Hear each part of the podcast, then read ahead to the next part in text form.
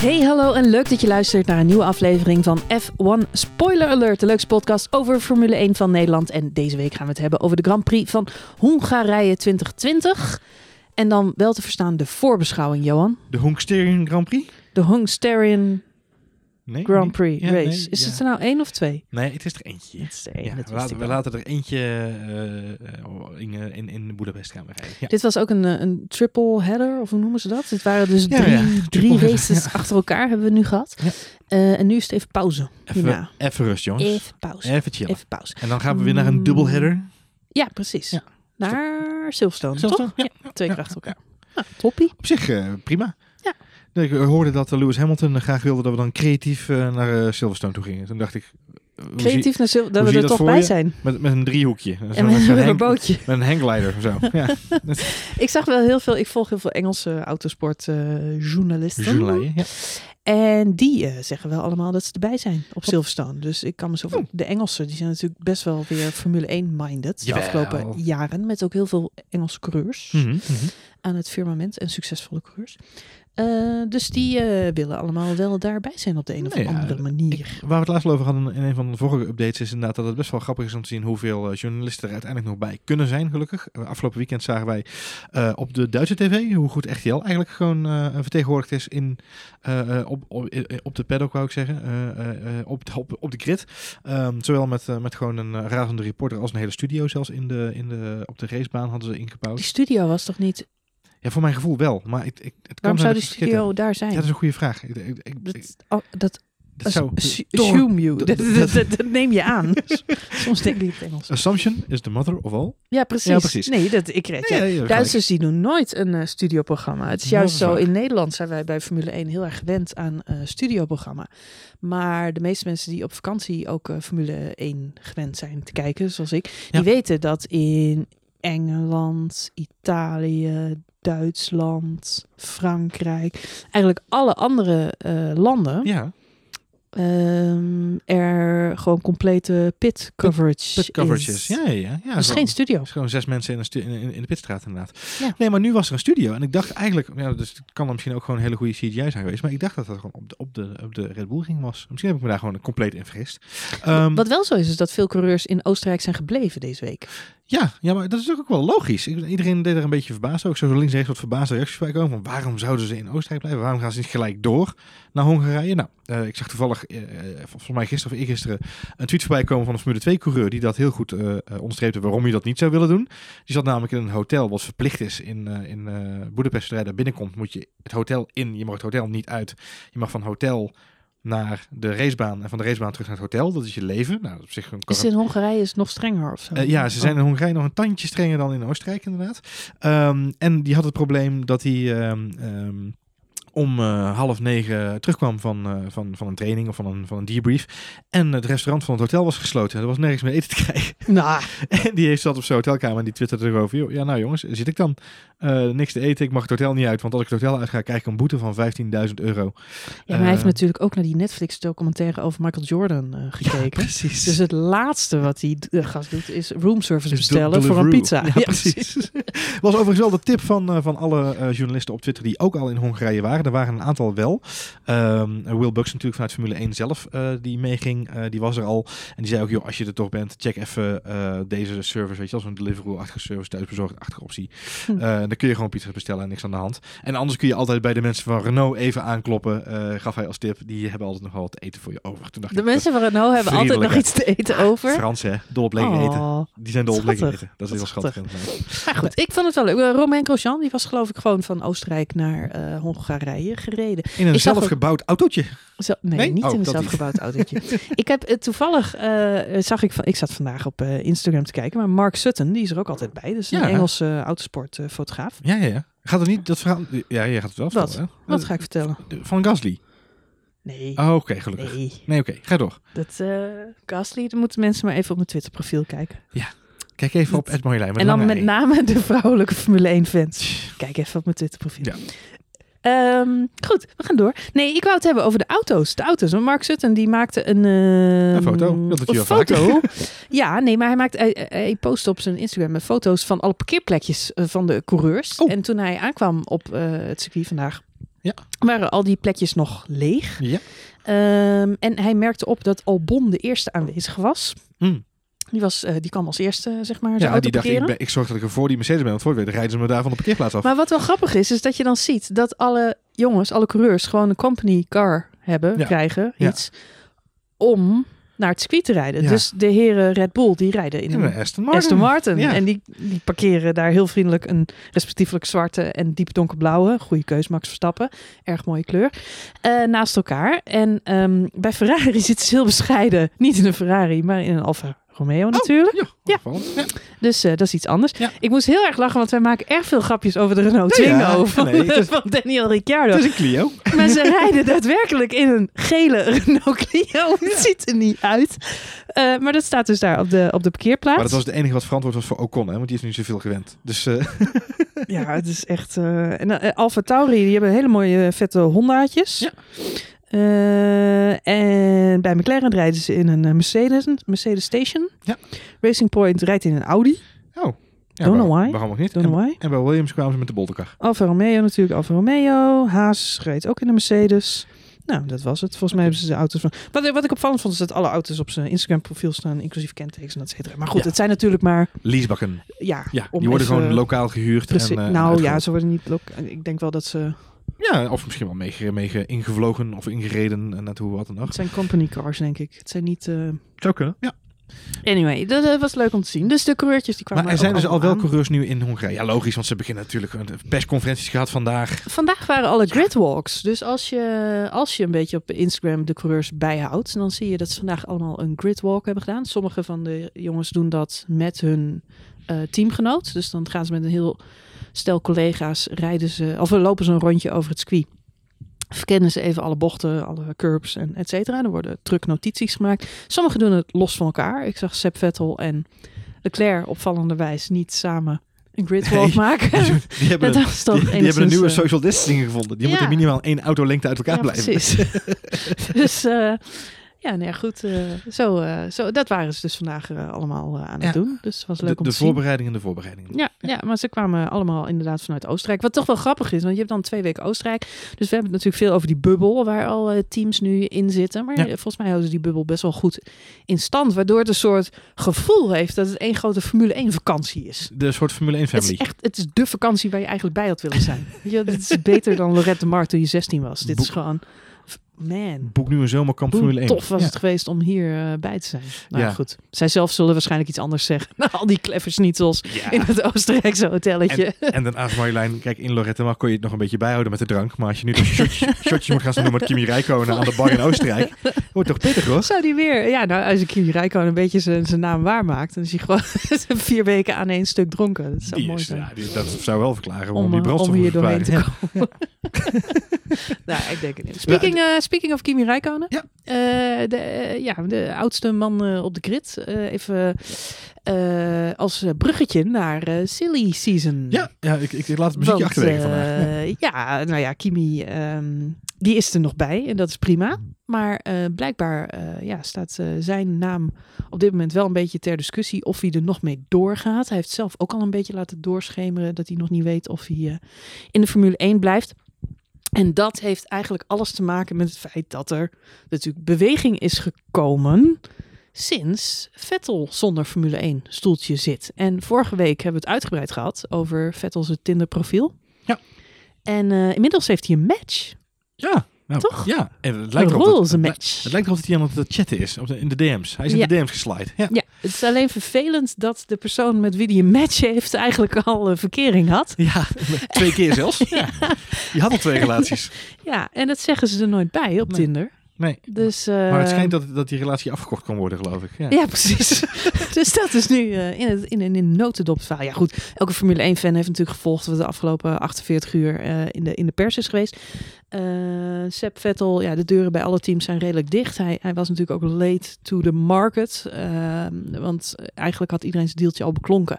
En het nieuws dat Ferrari niet met Vettel door wilde gaan kwam voor hem totaal onverwacht. Ondertussen staat ook Matteo Benotto eh, blijkbaar eh, de ter discussie. Ja, Ja, precies. precies. Dus heel Ferrari zou wel eens uit elkaar kunnen gaan vallen. Dus eh, wat dat betreft zou je kunnen zeggen dat Vettel in elk geval op het goede moment daar weggaat. Ja. Maar er lonkt nu ook een ander avontuur. En dat zou dan ehm, Racing Point zijn. Ja. Volgend jaar beter bekend als Aston Martin. Aston Martin. Wat dan, dan weer de vraag rijst, met welke auto komt Max Verstappen volgend jaar naar de Grand Prix? Ja, Nou goed, dan kom je ook in een Honda dat waarschijnlijk. denk ik. Honda, Hondaatjes, vind ik, is toch even anders. Ja, dat is wel even iets anders. Even een andere belevenis. Nee, ja, eh, Aston Martin inderdaad. Aston Martin. natuurlijk... eh, ja, eh, dit, dat- iedereen had eigenlijk die geruchtenmolen weer een beetje... eh, nou, dat gerucht was een beetje naar de zijkant geschoven ja, inderdaad. Zo van, dat Na- kan toch niet? Naar aanleiding van natuurlijk alle Red Bull-consternatie die er eh, was. En waar wij het natuurlijk ook uitgebreid over gehad hebben in onze afleveringen.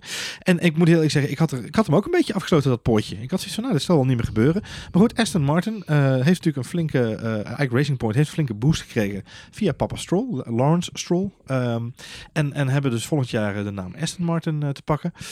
Die willen daar gewoon een grote merk, weer een grote naam gaan geven. Nou, voor Aston Martin is er veel aangelegen om, om de concurrentie aan te gaan. Natuurlijk met Ferrari, het grote Ferrari en het grote Mercedes. Als het gaat om de fabrieksauto's en de fabrieksmerken. Ehm, en ze hebben een behoorlijk financiële injectie te pakken.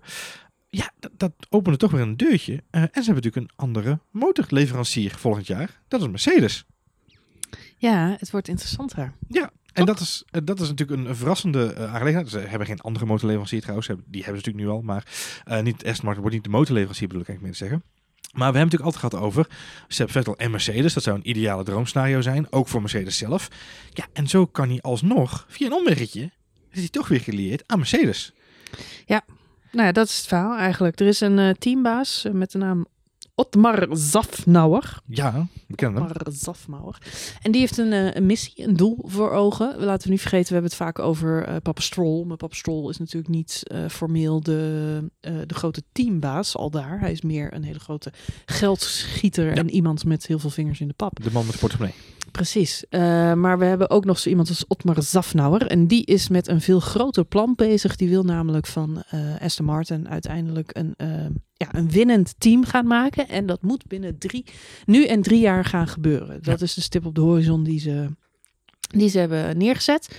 Ja, en het is een hele sim- simpele rekensom. Want iedereen, ik zie veel mensen op Twitter die het niet begrijpen. En die zeggen, ja, waarom zou je Perez aan de kant zetten? Ehm eh, Lance Stroll gaat er natuurlijk nooit uitgebonjourd worden. Want dat is het zoontje van. Ja. Dus oneerlijk is het tot en de met. Ja. Maar ja, eh, wie heb je liever? Eh, Ja, ja. Sergio Perez of een viervoudig Formule 1 wereldkampioen? Ja. Voor de naam en zeker ook voor de, de Duitse eh, motorleverancier. En, en ja, toch het statement wat je maakt. Precies, Ja. Is, is Heb Vettel gewoon een fantastische aanwinst voor het team. Ehm, daarnaast zal hij ook nog wel een paar sponsoren, misschien eh, persoonlijke sponsoren met zich meebrengen. Dus eh, ja, Sergio Perez heeft natuurlijk een zak geld met al zijn Mexi- Mexicaanse sponsoren. Ja, ja, zeker. Eh, er is wel haast bij dit hele eh stoelendansje. Want eh, Sergio Perez, er zit dus een clausule in zijn contract. Want eigenlijk heeft hij nog een contract tot 2023. 23, ja, Hij is een van de langst gecontracteerde Formule 1 coureurs. Dus Ja. hij was zo goed als zeker dat hij nog lang, nog lang Formule 1 kon gaan rijden. Maar er staat een clausule in zijn contract. Waardoor zijn contract nu dus ontbonden kan worden. Maar die is nog tot eind van deze maand 31-7. Ja. geldig. Dus Pittig. er moet heel snel gehandeld worden. Ja, het is heel pittig inderdaad. Er zijn een aantal dingen die, die opvallen daaraan. En, en eh, eh, ik weet niet hoe jij daar eh, de afgelopen dagen tegenaan hebt gekeken, want we hebben het natuurlijk allemaal gelezen, gehoord, gevolgd. Ehm, en het enige waar, waar ik aan moet denken is arme Perez. Niet zozeer omdat ik denk dat Perez eh geslachtofferd wordt en dat hij niet meer in de Formule 1 zal komen, want daar zullen we het zo nog wel even over hebben. Hij zal heus wel een ander plekje vinden met die grote zak met geld die hij heeft. Alleen, het is zo sneu omdat dat, Checo Perez was degene die in 2018 ervoor gezorgd heeft dat het hele team überhaupt gered werd. Hij was Mhm. degene die de, de rechtszaak aanspande, en mede aanspande, waardoor het team kon worden opgekocht en kon worden op, kon, opnieuw kon worden gereviseerd, zou ik bijna willen zeggen. Ja, oké, maar dat was natuurlijk ook een beetje gewoon een belastingtrucje. Hè? Dat was niet. eh, Nee, maar los van een belastingtrucje, het is wel, hij was wel degene die ervoor zorgde dat in ieder geval al die mensen die aan het team verbonden waren, niet in een faillissement eh, eh, discussie terecht zouden komen, maar dat de boel gewoon gered zou kunnen worden. Ehm, Daar krijgt hij nu ook een hele fatsoenlijke koffer met geld voor terug. Ja, dat is waar inderdaad. Maar ik denk dat hij daar liever misschien een mooi contract voor had teruggezien. En ik denk heel eerlijk gezegd dat Checo Perez het heel erg leuk had gevonden om naast Sebastian Vettel te gaan rijden. Ja, dat denk ik ook. Maar ja, Lance Stroll, Ja, wat doen we daaraan? ja maar denk jij... Ik weet het niet, hè. Je ziet soms van die Amerikaanse series en dan is, dan is in één keer is er zo'n zo'n zo'n zo'n rijke luisvader en die is ineens beu. En die geeft zo'n zo'n bitch naar zo. en dan zegt hij, I'm done with you. Oh ja? En dan zegt hij, hup, in die testrol. Jij wordt testcoureur, je gaat maar lekker in de sim zitten met je kadaver. En je, gaat, je wordt simracer, derde coureur bij, bij ons team. En, uh, en Checo blijft. Hoe groot zou die kans zijn, denk jij? Uh, niet Want groot. Als hij, als hij echt, een, als hij echt een, een winnend team wil gaan neerzetten. Kijk, Lance Stroll heeft laten zien de afgelopen races dat het geen pannenkoek is. Daar hebben we het in de vorige podcast Mhm, over gehad. Dat was hartstikke leuk. Uh, hij kan als het nodig is, kan hij met een goede auto ook hoog meerijden. Maar wie kan er uiteindelijk, denk jij, meer bijdragen aan eventueel een, een, een steek naar de kroon? Ik denk dat het Perez is. Eh, ja, ben ik helemaal mee eens. Staat tegenover dat ik eh, zelf eerlijk moet bekennen dat Lance Stroll ook niet als een totale pannenkoek heeft gereden Nee, de afgelopen twee nee, races. Eens? Eh, ja, en, en je eigen zoon laat je, laat je niet zo snel vallen. Dus ik denk tegen wil zijn en dank. hoop mensen die daar anders over denken. Ja, dat weet ik. Maar uiteindelijk, Michael Corleone, die ging ook gewoon de family business in, ondanks dat zijn pa het niet wilde. Ik bedoel, het is, je houdt hem niet tegen. Het moest zijn. En ja, het gaat gewoon gebeuren. Ja, ik vind het zo zonde. Want ik denk namelijk, want als het, als het probleem zich voordoet dat, dat Vettel het niet redt, wat natuurlijk altijd nog een optie is, hè, dat Mhm. Vetteltje gewoon echt het kwijt is. Want ik Mhm. fingers crossed dat het niet zo is, want het zou te gek zijn als we volgend jaar in, in de vorm van Aston Martin een competitor hebben die echt mee kan doen om de prijzen. Dus als nu McLaren er een beetje bij tegenaan zit te heuken, zeg maar. Het zou te gek zijn als daar Aston Martin bij komt. En die kans is aanwezig, want de reglementen veranderen niet. Ze hebben nu al een hele goede gekopieerde Mercedes. Ehm, maar als nou Vetteltje het echt kwijt is, dan wil je toch eigenlijk iemand hebben die wel in staat is om die auto naar P4 of P5 of P3 te Ja, remmen. maar dan, dan vraag ik me even af of dat Sergio Perez is. Dat denk ik dan ook weer niet. Hmm. Eh, het is een goede middenmotor, altijd al geweest. Maar ik vind hem net zoiets als eh, Ricciardo, eh, Hulkenberg. Weet je, prachtig in het middenveld. Maar zijn het echt racewinnaars? Hmm, hmm. We zagen hem eh, de eerste race van Oostenrijk ook weer eh, bezwijken onder druk. Hè? Stomme fout, laatste paar rondjes. Vergooit hij gewoon een podiumplek. Dat is waar. Is gewoon, eh, ja, is gewoon knullig. Hm. Dus, en ik daarnaast... dat jij, bent er een beetje klaar mee, heb ik idee. Nee, ja, Ja. nou, ik, ik vind het wel sneu. Ik bedoel, alles moet wijken eh, voor eh, Sebastian Vettel. Terwijl Seb- Sebastian Vettel heeft dat niet verdiend. Eh, dat hij zoveel credit krijgt op dit moment. Nee. Ehm, ik zie heel veel mensen op Twitter die zeggen... als, als Seb Vettel een rookie was geweest... die de afgelopen drie jaar had gereden... als Mhm. hij zeg maar Kvyat was geweest... Dan was dit zijn laatste jaar in Formule 1 geweest. Ja. Want hij heeft zoveel fouten gemaakt de afgelopen drie jaar. Hij verdient het eigenlijk niet om er te blijven. Maar, De enige reden dat hij nu mag blijven is omdat hij viervoudig wereldkampioen is. Ja. En omdat hij nog een keer opnieuw mag gaan proberen. nou ja, los van viervoudig wereldkampioen, ook gewoon al die jaren, ondanks al die fouten, toch altijd in de top 3, 4, nou ja, Ja, top 5 ja. van het kampioenschap waarschijnlijk. In een illegale Ferrari. Zo kan ik het ook. Dus eh, maar even dan eh resume. ja, Check-out Perez. Check-out Perez. Ja, nou waar moet die dan heen? Die Ja. schijnt dus eh, volop, of liever gezegd niet hij persoonlijk. Maar zijn manager die is al volop in eh, gesprek. Aan de babbels, die is ook allerlei tinderen. andere teams. Ja. En dat schijnt ook al een paar weken aan de gang te zijn. Dus zo is dit balletje ook een beetje in de publiciteit gekomen. Dus jij zegt waar Vettel aan het tinderen is, heeft deze uh, Ja. Checo Perez een matchmaker ingehuurd. Precies. Ja. Dus, eh, nou ja, goed. Ja, zo, zo is dat natuurlijk allemaal, allemaal een beetje al naar buiten gekomen. En het schijnt ook dat eh, Sergio Perez vandaag niet een hele opperbeste stemming eh, in zijn persconferenties eh, zat. Nee. Wat natuurlijk totaal geen zin heeft om hier vragen over te beantwoorden. Ik vind, wat ik vooral sneu vind, is dat hij nu eindelijk in een auto zit. Waarmee Ja. die podia kan gaan bakken. Hij heeft al die jaren volgehouden. Wie heeft hij allemaal niet bij zich gehad? Ocon die hem van de baan afreed. En gewoon daarachter in het middenveld. Ja. Ik bedoel, Renault was altijd sneller dan ze. Met en- Hulkenberg gaat hij het best nog wel oké een tijdje, maar ja. ja, maar in principe heeft hij natuurlijk heel lang, heel lang, heel lang. Ja, Ja, een de beetje marge. Ja, Ja. niks. Ja. En eindelijk is die auto nu goed. Eh, met, met een klein sterretje, zeg ik goed. Want wat voor sterretje is dat? Het Is dat een Mercedes sterretje? dat is een Mercedes sterretje. want, want ja, we weten dat dat kan natuurlijk nu voor Vettel ook gewoon roet in het eten. We weten nog steeds niet wat die uitslag is van is die auto nou wel of niet illegaal? En dat kan ervoor gaan zorgen dat bijvoorbeeld alle punten worden afgepakt Ja. van de eerste paar races. Dat Mhm. ze iets anders moeten gaan verzinnen. Dat ze helemaal terug naar de Terug basis terug bij af zijn Ja. en weer een nieuwe auto. Aan de andere kant denk ik ook, ze hebben nu die Mercedes nagebouwd. Ze leren natuurlijk wel ontzettend veel op basis van deze data die ze nu hebben. Ja. Dus als ze, mijn gevoel is dat ze nu die auto hebben nagebouwd. Kijken of ze ermee wegkomen. Ja. Waar ze mee wegkomen dit seizoen. En ondertussen zullen ze bezig zijn met een goede auto voor 2021. Ja. Dat voor Het voor is veel teams is dit een beetje een verloren seizoen, hè? Dus tuss- veel, tussenseizoen. Precies. Ja. Dus voor veel teams is dit gewoon een leerjaar. Ja. En ze kijken gewoon eh, eh, wat, eh, ja, wat, wat kan. Wat, mij, wat, wat ik me afvraag, en ik heb daar nog geen definitief antwoord op kunnen googlen of kunnen vinden tussen alle journalisten die we volgen links en rechts.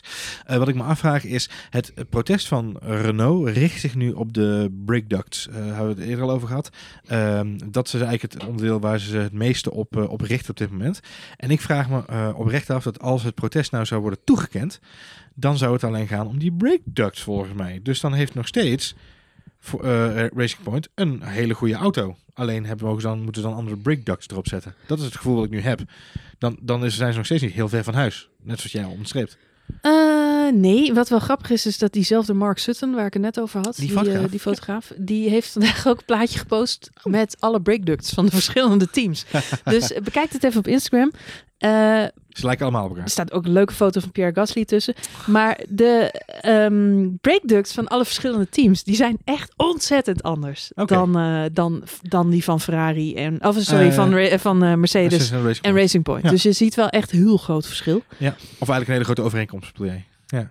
Ja, nou de andere teams zijn Ja, heel, anders. heel anders. Dus, Dus het is niet zijn- zo dat ze allemaal een beetje op elkaar lijken. Nee, nee, nee. En, eh, Nee, en maar ik bedoel, mensen, ik snap, eh, ik, ik geloof dat dat het ook zo is. En ik denk ook echt oprecht dat dat ook iets is wat ze gewoon vanaf, eh, ze hebben gewoon een print screen gemaakt van een 4K-tv.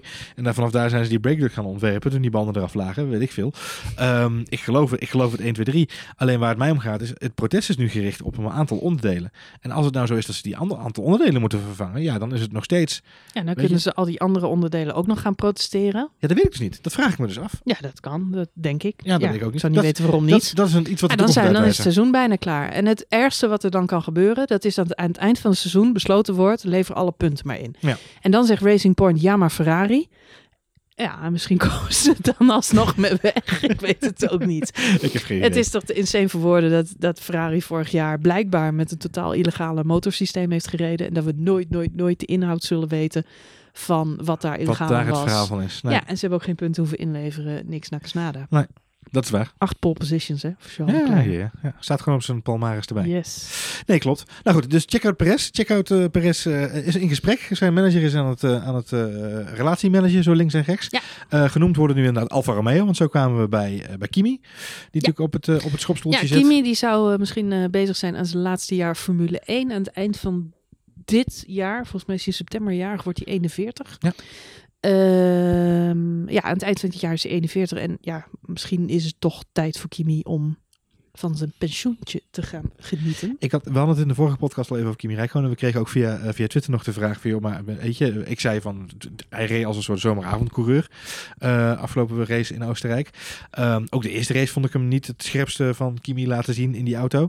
Ehm, ik, ik vraag me af of hij na die hele break die we gehad hebben, of hij zichzelf heeft kunnen opladen. En gewoon, ook heeft, of gewoon heeft gedacht, dit bevalt me eigenlijk wel. Ik ben Ik, gewoon lekker thuis. ik hink een beetje op twee gedachten. Want ik vind enerzijds sinds Spa vorig jaar, en daar hebben we het eerder over gehad. Ik vond tot Spa, vond ik hem echt... eh, hij liet sommige coureurs gewoon alle hoeken van de kamer zien. Ja. Weet je, Giovinazzi, die had gewoon... Ja, die, die stond zo mijlenver van Kimi Räikkönen vandaan. Kimi Räikkönen die zat makkelijk in, ehm, in Q3 een paar keer. In, in die verlepte eh Alfa Romeo. ja.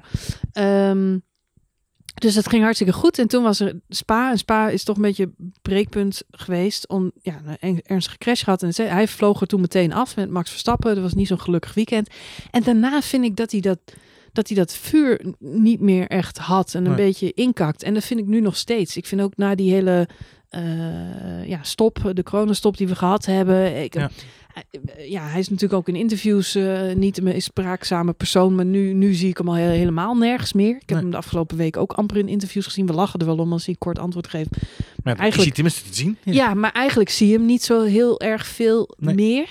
Eh, ja, Q3 haalt hij de laatste weken ook niet. Nee. Ehm, dus ja, hij rijdt een beetje achteraan rond. Aan de andere kant moet ik zeggen, als ik hem dan, als hij dan achteraan rijdt, ehm, zie ik hem wel altijd nog snelle rondjes neerzetten en coureurs inhalen. En in gevecht zijn. Ja, ja, ja. Ja. ja. En er zijn genoeg coureurs die gewoon, ja, neem vorig jaar Kubica. eh ja, je kunt natuurlijk ook niks met zo'n Williams. Eh, maar ook neem, neem de Hazen. En ik snap, het zijn mindere auto's, maar ze, ze rijden hun rondjes en ze proberen ook niks. En er komt ook geen, er komt ook niks uit. En ik heb bij Kimi nog wel altijd het gevoel dat hij heeft van, oké, ik, ik rij hier gewoon om mensen in te halen. Ja. Want dat, dat is wat ik Dat het ik leukste vind en Ja. dat is wat ik doe. Mm. Dus als ik iemand voor me heb zitten, dan ga ik proberen, daar ga, je, ga ik daar omheen. Wat ik heel jammer vind, is dat regie heel veel van dat soort acties mist. Jawel. was eh, vorige race waren een paar keer dat we echt in het scorebord gewoon coureurs stuivertje zaten, zagen het wisselen om, om een plekje. Ja. Eh, ook George Russell met Latifi bijvoorbeeld en waren nog wat andere Andersom, ja. situaties. Ja. Hebben we allemaal niet gezien. Nee. Al die inhaalacties hebben we niet gezien. En dat vind ik wel kritiekpuntje, zouden ze vaker in beeld mogen brengen. Eh, want op basis daarvan beoordeel je toch of coureurs nog een beetje Nee, daar heb je eh, gelijk haar op de tanden Ja, hebben. Nee, dat is waar. En sommigen hebben dat wel, eh, maar dan moet je echt scorebord een beetje de hele tijd in de, en de rondetijden in de gaten houden. Dat daar- doet niet iedereen. Wat ik daar wel over wil zeggen is, het viel mij wel op. Afgelopen races was de regie van de Formule 1 eh, uitzending, de centrale uitzending, was niet op, de, eh, eh, eh, op, op het circuit zelf. Maar die deed dat vanuit Engeland, vanuit het hoofdkantoor van, eh, van de Formule 1 en vanuit FIA.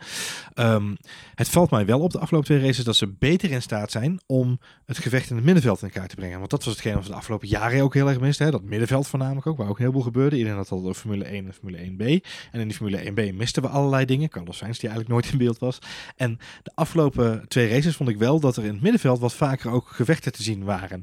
Wat, mij, wat, ik, wat ik de uitdaging vind, jij noemt terecht, ik vind het een terecht punt hoor, wat je maakt. Uh, alleen wat ik denk lastig is, is omdat het veld nu zo dicht bij elkaar is. Zeker vanaf, nou zeker de afgelopen race vanaf positie 3 volgens mij zijn er zoveel stuivertje wissels geweest dat ze het op een gegeven moment ook niet meer konden bijhouden qua switches.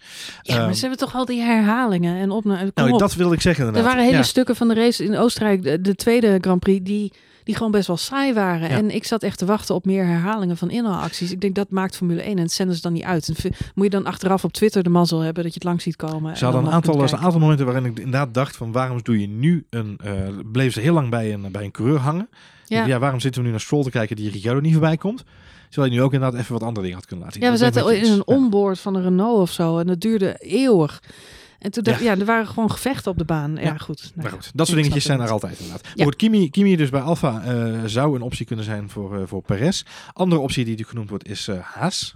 Ja, zou ook kunnen. Dat betekent dat eh, je waarschijnlijk Grosjean eruit gaat. ja, is, is de afgelopen jaren van de twee Haas Ja, maar het schijnt wel een hele amabele man te zijn die het goed kan vinden met Gunther Steiner. Nou, en was natuurlijk ook wel een, was, is best wel een getalenteerde racer onderaan de streep. Heeft natuurlijk niet de, zijn imago mee de laatste jaren, maar heeft natuurlijk wel al een aantal keren op het podium gestaan ook. Volgens mij is het best een vriendelijk gast. En een best wel een vriendelijk gast. Maar het probleem bij Haas lijkt me voornamelijk te zitten in de buddy-buddiness tussen Gunther Steiner en Kevin Magnussen. Eh, wat natuurlijk heel goed te zien is in de, in de Netflix-docu Drive to Survive. Eh, daar waar Kevin Magnussen wel een streepje voor heeft bij Gunther Steiner, heb ik het idee. Eh, en daar zou dus Checo Perez wel naar binnen kunnen Heb je fietsen. Kevin. Magnussen zijn baard gezien? Hij is een soort Nee. Benny van ABBA. Of een soort... soort, soort- ik heb geen idee hoe Benny van Abba Rijk dat tegen me zegt. als de kerstman. Als de echt, kerstman. hij ziet eruit als een blonde Een kerstman. blonde kerstman. Hij heeft een lange baard, Hij heeft een, hij heeft Oké. echt, echt Een coronabaardje. een- ja, hij Ja. is, is ABBA. Ik ben blij om te horen dat jij vandaag je gefocust hebt op de visuals van onze... Visuals we, van de hebben, we hebben het 1. over de sixpack van Gasly. We hebben het over de baard van Magnussen. Zometeen... Oh, ik moest heel erg lachen, want eh, Pierre Gasly's foto ging viral. Mhm. En wie denk je dat er vanavond prompt een selfie-video van zichzelf op Instagram zet in de spiegel met zo'n muscle flexing? Dat is Lewis Hamilton. Uiteraard! Ja, maar die had, al, die had al een hele serie foto's gemaakt. Dat scrolde er altijd heel snel voorbij. Want die begon alweer een heel verhaal van ik ben heel mijn leven aan het trainen. En Oh, Man, man, man. Heel verhaal hoe die, hoe die heel zijn carrière had. hij maar 68 kilo mogen wegen. Nu, nu waren die, 69. nu waren eindelijk. die regels veranderd. Dus nu mocht hij eindelijk gewichtstraining doen. Maar het was nog steeds een struggle tussen cardio en gewichtstraining. En oeh. Ja, ik heb daar zelf ook wel wat last van.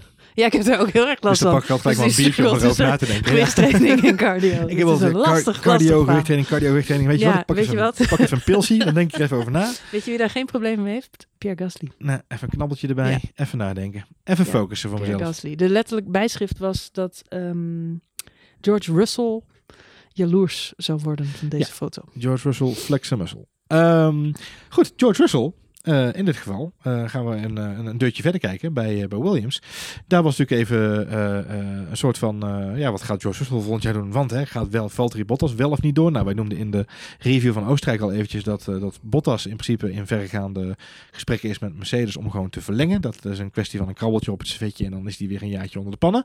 Ehm, wat dus ook zou betekenen dat, Jo- dat George Russell niet bij Mercedes gaat rijden volgend jaar. Want we gaan ervan uit dat Lewis Hamilton ook nog wel een jaartje eraan vastplakt. Uh, maar goed, uh, wat heeft George vandaag zelf gezegd? Uh, dat hij bij Williams blijft. Ja. En dat heeft Williams ook bevestigd. Dus op het, uh, ja, ook weer op Instagram van uh, Williams werd vandaag gemeld dat zowel George Russell als Latifi in 2021 gewoon de beide coureurs zijn. Ja.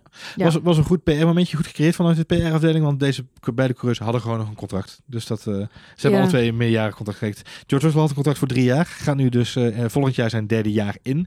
en Latifi heeft bij het begin van dit seizoen, hij is nu voor het eerst nieuw, en heeft aan het begin van het seizoen al gezegd van joh, ik heb een multi-year deal, dus ik maak me ook geen zorgen. Ik zorg dat ik erbij ben. Um, en als dat niet zo is, dan zorgen zijn meegebrachte sponsoren er wel voor dat hij erbij ik is. Ik het zeggen, Latifi die zie je gewoon echt, die zit echt als zo'n... Uh...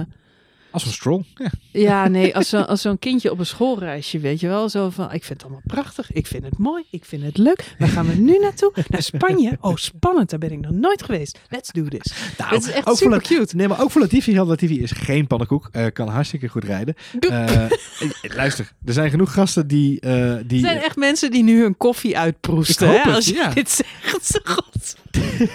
Jezus Christus. Sorry daarvoor. Oh. Bij de eerstvolgende, bij de eerstvolgende Vissa fan meetup doen Pak we een kopje een koffie. servetje. Het is echt niet leuk. na, dat, na dat rondje bier van Marjolein doen we daarna een kopje koffie om het goed te maken. um, nee, uh, maar het is, kijk, nogmaals, het is uh, uh, de afgelopen races. Voor een debutant is hij wel gewoon met, met, samen met George Hij rijdt heel consequent laatste. Dat doet hij fantastisch, joh. Is Marjolein. Hij was gewoon lekker met Russell in de knauw. En er gaat een moment in de komen, knauw? En er gaat, een moment, er gaat een moment komen dat mijn voorspelling uitkomt en Latifi boven Russell gaat eindigen. Oh, bedroevend, bedroevend. En het enige wat ik hoop, dat de pech niet zo groot is voor George Russell. Want het zou pech zijn als het zo is, want George Russell is natuurlijk de betere coureur. Maar dat de pech niet groot genoeg is dat ook dit jaar weer zo is. Dat Latifi eerder in de punten eindigt dan George Russell. Want dat zou ik verschrikkelijk vinden. Dat zou ik echt niet leuk vinden. Maar goed, bij Williams dus ook geen plekje, voor, uh, geen plekje in de herberg voor uh, Perez. Dan, ja, dan, dan blijven die twee teams over. Dan hebben we nog één outsider die iedereen op internet heel erg leuk zou vinden. Dat is Red Bull. Red Bull? Ja, Perez naar Red Bull. Toen dacht ik, daar gaat niet gebeuren. Nee, dat slaat nergens op. Nou ja, het slaat in die zin nergens op. Uh, uh, het is daar helemaal niet het type coureur voor. En weet je, daar gaan, ze gaan zeker niet een Albon aan de kant zetten voor, uh, voor Perez in dit geval. Nee. Nee, dus dat, uh, daar, daar hoeven we ook geen, geen rekening mee te houden. Nee, dat dus, zie ik niet gebeuren. Het, uh, het gaat niet goed met Albon, of tenminste het gaat niet goed genoeg. Maar die signalen krijgen we vanuit Red Bull niet. Want Christine Horner is gewoon nog steeds uh, nou ja, hartstikke enthousiast. En deze week hebben ze nog gewoon naar buiten gebracht dat ze aan het kijken zijn wat de reden was waarom hij zoveel moeite had met snelheid creëren in de auto. Omdat er misschien wel een technisch mankement was. Omdat ze gewoon ja, echt verbaasd waren over het feit dat hij zo ver op achterstand reed. Uh, terwijl Max dat niet had. Ja, dat is natuurlijk mooie, mooie PR-play. Ja, ik wou het zeggen, zou ik ook zeggen. Ja, maar ik snap, ik vind het wel prettig om te zien dat ze dat, voor, dat, ze dat vangnet nu aan het creëren zijn, onderaan de streep. Uh, we, kunnen, we hebben het in de vorige podcast al uitgebreid over gehad. Of het nou politiek is of managementstijl, het maakt me niet zoveel uit. Ik vind het prettig om te zien dat ze in ieder geval een soort van rust willen creëren rondom uh, de samenstelling van het team voor de komende nog acht races die we hebben sowieso op de kalender. Dus het zou fijn zijn als ze dat ook gewoon kunnen volhouden. Uh, en het, het weet je, onderaan de streep is het ook gewoon fijn dat ze nu ook weer gaan zeggen: uh, we hebben Albon en we hebben Verstappen en, uh, en dat is dat. Punt. Ja, ja, ja dat, dat kan prima. That, maar goed, that. Onder, we gaan het zien. Ik hoop heel erg dat Albon het gaat laten zien in Hongarije. Dat is toch ook wel weer een baantje waar je kunt laten zien dat je goed kunt racen. Ja. Um, ja, het is, het is, ik moest wel lachen hè, dat het ook weer uh, Mercedes vandaag. Nee, het is echt de afgelopen twee races is natuurlijk gewoon uh, iedereen zoek gereden. Maar dan vervolgens ook gewoon zeggen: Nee, ja, maar nu dit is de baan. Dit is de baan, Marjolein. Dit is de baan waar Red Bull het verschil kan gaan maken. Ach, van een onzin. Maar nou, wat grappig is, is dat we hebben het, we hebben het vorig jaar wel eens gehad over het feit dat um, om goed te zijn heb je een, uh, heb je een tegenstander nodig. Mm -hmm. Als je geen tegenstander hebt, als je geen gezamenlijke tegenstander creëert binnen je bedrijf, uh, dan weten mensen niet waar je het voor doet. Hm. En de gezamenlijke tegenstander van Mercedes was Ferrari. Ja. Maar daar zijn ze niet maar, meer. Maar die doen even niet mee dit nee, jaar. Nee, dus ze zijn hun tegenstander kwijt. En dat is gevaarlijk. Dat realiseert Toto Wolff en alle andere strategen binnen het team realiseren zich dat. dat. Ja. Lewis Hamilton zei het vorige Grand Prix ook al. Die zei, het, het makkelijkste wat kan gebeuren als je zo succesvol bent geweest, is dat je je focus verliest en dat je fouten gaat maken en de tent in elkaar stort. Omdat Ja. je gewoon de beste bent. Ja. Dat willen ze niet. Daar zijn ze heel Huiverig Ja. Nee, ja, maar er zijn, ja, de, mensen noemen dit zweverig, maar dit is, de, ik merk ook in die Netflix-documentaire zie ik dit terug, Mhm. dat ze bij Mercedes hier heel erg mee bezig zijn met dit soort ja, filosofische, of sportpsychologie-achtige dingetjes. Want als je niet die, die, ja, die winnaarsmentaliteit houdt, en daar heb je dus een goede tegenstander voor nodig. Nou, die zijn ze kwijt. Nee, eh, van Ferrari hadden ze eh, dartbordjes in de, in de, ja, in Ja, de klopt, kantine ja. hangen. Ja. Dus als je daar in de motorhome komt van Mercedes, dan hangen daar, eh, er hangt een dartbordje met een Ferrari logo erop. En daar, ja, daar gooit iedereen gewoon een paar pijltjes op. Hebben ze, bij, Gewoon- hebben ze bij Ferrari ook? Hangt hoofd van Binotto op. Dat is heel gek. Heel typisch. Nou, inmiddels eh, zal waarschijnlijk het, eh, het, het Ferrari paardje weg zijn gehaald. En hangt er nu een, eh, een Een stiertje. Ja, van. Red Bull. Dus je merkt ook hier, ja, ze zijn gewoon de, de focus aan het verschuiven. En wie is nu de tegenstander? Dat is nu Red Bull. En dat is sneu voor Lewis Hamilton. Want die noemt altijd Vettel als zijn gedoodverfde tegenstander. Ja. Eh, en misschien eh, Charles Leclerc heeft hij vorig seizoen natuurlijk ook een paar keer over gezegd van oeh, dit is de, hè, de nieuwe uitdager. De nieuwe moet- nou Ja. goed, die kan niet allemaal weer parkeren, want dat doet er allemaal niet meer toe. Ja, oh, Dus hij zal zich nu toch op eh, de guy, de ki- de kid, De kid. that guy. that Ja. guy, Max Verstappen moeten gaan richten. Want dat is zijn uitdaging. En Valtteri Bottas, of die het nou leuk vindt of niet. Maar Ja, die doet gewoon mee om de prijs. die, ja, die zit Die in de luwte. Ja. Doet hij gewoon mee. Ik zat net nog even te denken wat jij zei over ehm, George Russell, die nog bij Williams blijft. Hij, Ja. hij zit nu natuurlijk in zijn tweede seizoen. Ja. En dat betekent dat hij volgend jaar zijn derde seizoen bij Williams gaat rijden. Mhm. Eh, dat vind ik ook alleszins logisch. En Ik zat nog even te denken, maar Bottas heeft ook drie seizoenen gereden bij, eh, bij Williams. Ja, Voordat hij naar Mercedes ging. Klopt. Dus je zou wel verwachten dat na volgend jaar, voor, het nieuw, voor de nieuwe reglementen, inderdaad. ja, Ja. er misschien toch wel iets daar gaat veranderen. En tot die tijd, eh, George Russell maakt op mij totaal geen indruk dat hij eh, ergens anders heen wil. Zit- Behalve als uit die hoge route ineens komt dat Bottas een multi-year deal heeft geregeld. Want dat is natuurlijk hetgene waar hij Oh, wel aan het begin van het seizoen heel eh, keen op was. Dat hij Ik zag op Twitter, ik weet niet meer wie het was. Dus als je een luisteraar bent, sorry dat ik je naam niet kan noemen. Maar ik zag iemand die zei, is, ehm, is George Russell geen goede optie voor Red Bull? Ja, dat is ook een interessante inderdaad. Ja, zo heb ik ook Lando Norris al voorbij horen komen. Ja, dat zei ik vorige Ja, podcast. nee, maar eh George Russell is, eh, is en blijft natuurlijk wel een, een Mercedes. eh, ja, maar ik twijfelde dan wel aan junior. of hij beter is dan Albon, bijvoorbeeld. Als je de, de verhalen moet geloven van de boys uit het verleden, dan Ja, was George Russell George degene Russell die altijd de beste. iedereen aan gort reed. Dus ja. eh, Albon en Norris hebben het eh, natuurlijk vaak over gehad. eh, ook in de video's die vorig jaar online verschenen. ging het vaak over het feit dat George Russell in de, in de lagere klasses vaak iedereen wel op een ronde zet, om het zo maar even te zeggen. Dus het schijnt dat Russell de betere van het stel is. Alleen als je nu kijkt, eh Lando Norris en, en ook Albon. Kijk, Albon doet wat hij moet doen in een auto van Red Bull. Dat is logisch. Die zitten gewoon in een betere auto. Eh, McLaren dit jaar ook gewoon een betere auto. Maar daarnaast laat Norris ook gewoon zien in racecraft wat hij in huis heeft. Ja. En bij eh, eh, George Russell blijft het grote vraagteken. Kijk, we weten allemaal dat die auto een soort bolderkar is waar ze mee, eh, mee rondrijden op dit moment. Alhoewel hij nu alweer een heel stuk beter is dan vorig jaar, hè, dat vooropgesteld bij Williams. Ehm, maar het, het is de vraag natuurlijk of er echt hoeveel racecraft er in George Russell zit. Want op het moment dat hij de afgelopen race aan de stok kreeg met Kevin Magnussen, schoot hij recht door de grindbak in. En was hij weer gelijk laatste. Dus, en we hebben, ik heb de aanleiding niet teruggekeken helaas, maar eh, ik bedoel meer zeggen, we hebben nog heel weinig racen gezien van, van George Russell. We hebben George Russell veel zien rijden. We hebben hem veel zien finishen. We hebben hem ook veel zien uitvallen. Maar we hebben hem nog niet veel zien racen. Zien, zien strijden voor plekken. Of zien... Dus ja, dat maakt het heel erg moeilijk om in te schatten hoe goed George Russell nu eigenlijk is in de Formule 1. Eh, Ja. En het grote probleem wat hij nu heeft, vind ik ten opzichte van Albon en Norris, is dat Albon, die heeft nu al twee keer een gevecht gehad met een wereldkampioen. Die heeft met, al twee keer met Hamilton aan de stok gehad. Die heeft al twee keer Ja. de wereldkampioen uitgedaagd. Lando Norris heeft nu al twee keer laten zien, eh, dit seizoen, dat hij in de laatste ronde een tovertrucje uit kan halen. Ik moest heel erg lachen om die meme die voorbij kwam met die kogel uit Mario Brothers. Mhm. eh, Super Mario, dat die, die kogel die daar altijd in zit, dat dat Lando Norris is, weet je wel. Die heeft laten zien wat hij in huis heeft als het gaat om puur racetalent. Nou, dat mis ik nu op dit moment van George Russell heel erg. Dus als je het nu aan mij vraagt, weet je, op dit moment zou ik zeggen, nee joh, laat Albon lekker zitten waar hij zit. Of, of inderdaad schuif Norris naar voren op die plek. Als het, zo, als het een optie zou zijn, is het niet, maar het zou leuk zijn.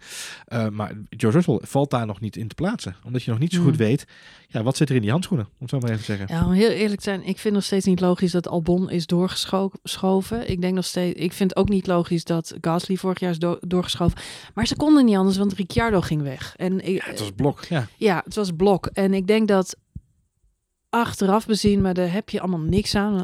Als is verbrande turf. Maar het was beter geweest als dit seizoen Albon en Gasly naast elkaar in een Toro Rosso, in een Alfa Tauri hadden gezeten. Ja. Eh, want dan had je ze met elkaar kunnen vergelijken, kunnen zien wie de betere was en wie uiteindelijk door had moeten groeien Ja. naar die plek naast Max Verstappen. En de volgorde is nu verkeerd. En ik snap de noodgreep vorig jaar, want Gasly die ging er echt aan onderdoor. Ja. Aan de andere kant vind ik dat Gasly zichzelf super sterk herpakt heeft bij Alfa Tauri, waar hij gewoon echt sterk rijdt sinds hij daar weer terug is. Podiumpje nog gepakt vorig jaar. Ja. Ehm, Afgelopen, En- afgelopen race is inderdaad een deal gekregen van, eh, eh, van Ricciardo, als ik me niet vergis. ja, waardoor Eh, twee keer in de die, pit extra pitstop moest maken. en inderdaad. Daardoor is die eh, misten we in de nabeschouwing inderdaad. ja, Ja. klopt. Nee, dat klopt. Maar ik vind het dus. Ik snap dat Red Bull nu Albon het voordeel van twijfel geeft. En tuur, het zijn pas twee races geweest, dus we kunnen er nog niks over zeggen. Maar 34 seconden op Max Verstappen Ja. Is gewoon niet goed. En als het een technisch probleem was, oké. Maar dan moet het niet straks in, ehm, in Hongarije nog in een keer. Hongarije nog een keer gebeuren. Nee. Want dan is het eigenlijk allemaal niet ver geweest ten opzichte van Gasly. Want dan is hetzelfde wat jij vorige podcast al zei. Dan is Max Verstappen zo buitenaards goed. Dat deze twee jongens allebei niet kunnen tippen. Daar niet in de buurt kunnen zitten. Gewoon niet die rondetijden kunnen volhouden. Die Max wel kan. En Nee. kunnen ze dat dan door harder te werken, meer te rijden, meer ervaring om te doen? Wellicht, misschien. Ja. Weet ik niet. Eh, maar ja, dan is het eigenlijk niet ver dat de een voor de ander geswapt is. Nee. Ehm, ja, dus wat dat betreft, ik heb ze nog een beetje op hetzelfde Ik speel- niveau Ik dit ik speel moment. de afgelopen dagen echt, of ah, dagen eigenlijk al sinds het begin van het seizoen heel erg met, met de. Ik, ik blijf daar maar over mijmeren voor mezelf, zonder al te filosofisch over te willen komen. Maar eh, inderdaad, de balans tussen coureur, racecraft en, en, de, en de mechanische kant, de auto waar ze in zitten. En, en Bottas is een goed voorbeeld. Is eh, Albon. Eh, eh, als, je, als je nu Albon zeg maar, zou hebben en je zou op dezelfde leeftijd, hè, dezelfde fase van zijn carrière Bottas pakken, is die dan beter of minder goed? Of het, dat soort dingen, dat soort vergelijkingen zijn eh, precies wat jij zegt. Het is, een beetje de koe in de kont kijken. Ehm, maar het is wel interessant om na te denken over wat zou er gebeuren als inderdaad Albon wel de ervaring heeft in deze auto of een Gasly. Of wat zou er gebeuren als je Bottas eh, op die, deze leeftijd in de Mercedes had gezet. Weet je, dat, Ik denk Ja. in hindsight, weet je nog dat we het vorig seizoen hadden over Nico Hulkenberg als optie voor Red Bull? Ja. Ik denk in hindsight dat dat een betere keuze was geweest voor Red Bull. Eh, en dan denk ik dat Max Verstappen Nico ook naar huis had gereden. Mhm. Dus, ehm, maar je hebt wel een veel ervarener coureur. En die andere jochies Hadden krijgen de rijpen. tijd Ja. om te rijpen. En dat zie je, dat doet Mercedes dus wel goed. Eh, Bottas, drie jaar bij Williams. En nu zit hij bij Mercedes. Eh, dat heeft even geduurd, sinds 2016. Ja. Dus daar zit hij ook alweer. Dus zijn vierde seizoen. Vierde seizoen ja, Vierde, ja. Jezus. Is ook snel gegaan. Maar ook bij Mercedes heeft hij tijd nodig gehad om zijn draai te vinden. Van een beetje de tweede man zijn tot een heel slecht seizoen. Tot vorig jaar echt zichzelf redelijk herpakkend. En uiteindelijk eigenlijk nog de enige uitdager van Lewis Hamilton. Laten we niet vergeten. Forget. Ehm, nee, ja goed, maar hij was Nee, wel de enige nee, die klopt. op het laatst nog meedeed om eventueel wereldkampioen te worden. klopt, klopt. Ehm, en dit seizoen, ja, eh, moet hij er echt voor gaan. Deal or no deal. En dan Ja, krijgt hij volgend seizoen krijgt hij waarschijnlijk nog één kans. Alhoewel volgens mij niemand bij Mercedes wil dat hij kampioen wordt. Hij moet gewoon lekker nummer twee zijn. Nee, de, de, alle pijlen zijn gericht op Lewis Hamilton bij Mercedes. Ja. Maar ja, je hebt ook nog Lewis Hamilton. En wanneer gaat die een keer stoppen? Die zal toch naar 2021 misschien ook wel een keer eh, klaar zijn. Als hij straks acht keer wereldkampioen is, dan heeft hij het gewoon geflikt. Ja. Dus dan ja, kan hij ook... eh, Moet je hem nog wel even pakken dit jaar, Marjolein? Moet je nog wel even pakken dit jaar en volgend ja, jaar. ja, maar goed, het ziet er natuurlijk gewoon appeltje Het eitje ziet er uit op wel op dit moment heel erg gesneden koek uit inderdaad. Overigens, eh eh Valtteri Bottas sinds 2017 natuurlijk bij eh, Mercedes. Want Ja, 2016 reed hij nog Williams. Ja, werd sorry. Nico Rosberg Ja, natuurlijk wereldkampioen bij Mercedes. Hey, ehm, eh, ja, weet je, het is het, het, het, het leuk om, we kunnen urenlang doorpraten over wat er nog gaat gebeuren, maar de komende dagen zal er een hoop meer duidelijk worden. rondom de, de transfer, transfercarousel en wie wat waar gaat eindigen. Voor nu ben ik heel erg benieuwd naar jouw voorspellingen. Voor komend weekend. Poeh. Voor de, het, het, het- het lijkt een wisselvallig weekend te worden qua weer. De weervoorspellingen zijn nog een beetje up, Wisselvallig? and, up and down. Up and down. Mhm. Hongarije was natuurlijk vorig jaar de Grand Prix waar Max eerst pole position Yes. pakte. En de honderdste pole position was de honderdste polsitter in, eh in Formule 1. Alle Ja, tijden. ook nog, ja. Mooi leuk. moment. Ja. Toen, was hij, toen had Charles Leclerc nog geen pole. Of wel pole. Die, Nee, die had al eh, wel een pole ja, gehad. ja, ja, ja, Ja, anyway. Die dan weer wel. Ja. Ehm, even denken. Ja, Lewis. Lewis gaat gewoon winnen. ja. Jij zegt appeltje, eitje, Lewis Hamilton. ja, Ja, helaas. Ja. Max Verstappen 2. Oké. Carlos Sainz 3. Carlos Sainz 3, die gaat zich moet- revancheren van eh, Ja, afgelopen die week. moet eindelijk een podiumpje gaan pakken. Hmm. Hmm. Veilig, veilige keus, veilige keus. Mhm, mhm. Heb je nog, nog een verrassende ontwikkeling tijdens de race? Verrassende ontwikkeling. Ehm, ja, eh Seb Vettel, Seb Vettel. Seb Torpedo, krijgt het aan de stok met Sergio Perez natuurlijk op de baan. Seb en Sergio gaan het Ja, die strijden om dezelfde vrouw. Dus het is gewoon, eh, die hakken elkaar in elkaar. Hij is van Ja, mij. precies. Oké. Seb en Serge. Ik ga hem noteren. Seb en Serge. Het nieuwe, nieuwe komische duo van Klinkt als een heel slecht slagerduo. Ja, precies. Seb en Serge. Seb en Serge. Oké. Eh, ik vind het een. eh, ik vind het een. eh, ik, ik, vind, ik vind ook wel een goede eigenlijk op die. op die. Eh, op die derde plek. Ik heb iets. Ik heb, ik heb soortgelijke voorspellingen. Ik heb Ja? eh, alleen wel. Ik heb ook Hamilton als, als winnaar. Een beetje aan de safe side. Ik kan je vertellen, in ons voorspelspel hebben meer mensen deze veilige keuze gemaakt. De Mm. afgelopen dagen al. Mm. Zien Ehm, allemaal de bui al hangen. Ja, die zien de bui alweer hangen. Terwijl het Mm. weer is nog steeds niet helemaal goed voorspeld.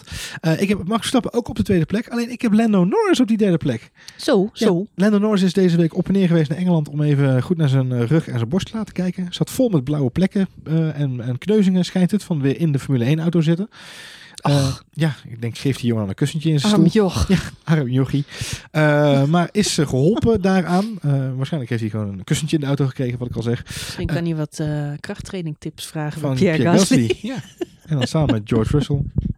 Nee, maar die, eh, ik, zie, ik zie eh Lennon Norris op die derde plek eh, eindigen gewoon weer. En daarmee nog verder uitlopen op zijn teamgenoot Carlos Sainz. Wat Hmm. heel verrassend is, lijkt mij.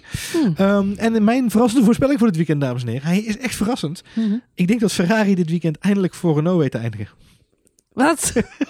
nou, eindelijk. Dat is de eerste race ook gelukt. Ja, dat weet ik. Maar het Oh. gaat ze weer nog een keer lukken. Maar uit sowieso, Renault gaat sowieso een keer finishen met alle twee auto's. Zou ook grappig zijn. hè? Denk Ja, dat? dat zou grappig zijn. ja. Ze is schijnen, ze schijnen de, de, de airco-problemen onder controle te hebben van de Clio's. Dus eh, het was een koelingsprobleem, geloof ik. Dat hebben ze nu getackeld. No. Ik heb er wel zin in weer, hoor, moet ik zeggen. Ja, Hongarije. Ja, Gek, vorig Het jaar zijn- was het leuk. Ik knal van één keer zo drie races achter elkaar. Het is voor ons ook even rennen met de podcast nu. Maar het is wel, ik heb er wel weer zin in. Ja, hierna hebben we vakantie. Even op Even de zomerstop. Even, nu, is- het is ook zoveel, dat Formule 1. Nou, leuk. Ja, leuk. Nou, dan, eh, dan gaan we gewoon op naar, eh, naar de Hungaroring. Ja, goed idee. Eh, nou ja, mocht je in de tussentijd nog iets willen zeggen tegen ons, dan kan dat. Hè. We hebben natuurlijk, zoals we al vaak gezegd hebben, een mooie Telegram-chat. maar dat kan ook via Twitter naar, Ed Marjolein. of naar Ed Johan Voets, of naar ons gezamenlijke podcast-aflevering, eh, podcast, Twitter-programma, Twitter-ding, at F1 Spoiler Alert. Niet En- gehackt. Niet, ge- niet gehackt, nee, want we hebben geen Winky, dus we worden niet gehackt.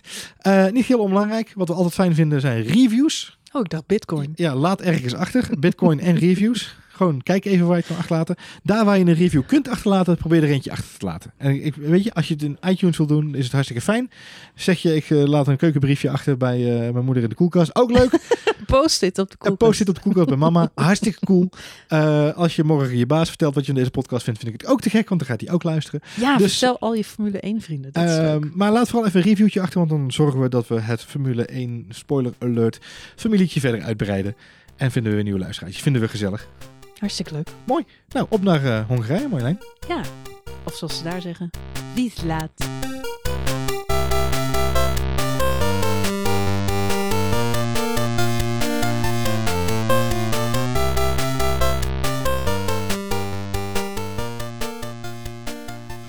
Vislaat?